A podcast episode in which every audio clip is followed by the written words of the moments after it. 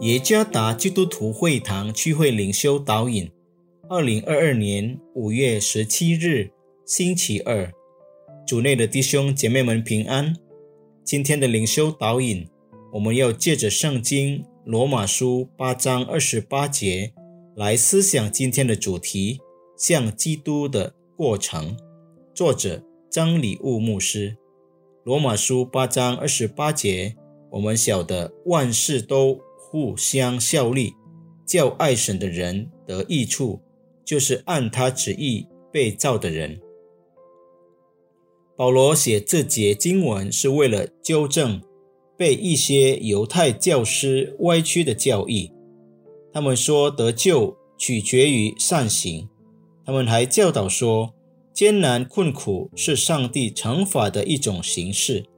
保罗反驳说，他们所经历的苦难和艰辛不是来自上帝的惩罚，而是上帝为了他们的利益而允许它发生。这生命中，我们面临着许多悲剧。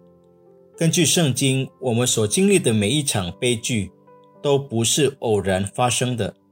对于信徒来说，发生的每一场悲剧，都是上帝为了我们的利益而允许的。有了这样的认识，让我们以全新的视角认知来面对我们所经历的每一场悲剧。我们生活中发生的每一件痛苦的事情，都是上帝为我们的利益所允许，并使我们变得更像基督。华里克曾经说过：“如果父亲允许他心爱的孩子经历最痛苦的苦难，他也会允许我们经历同样的事情。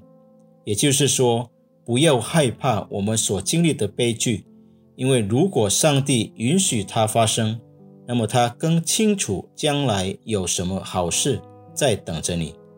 上帝可以利用我们的痛苦经历来使我们。”有更好的服饰，愿上帝赐福弟兄姐妹们。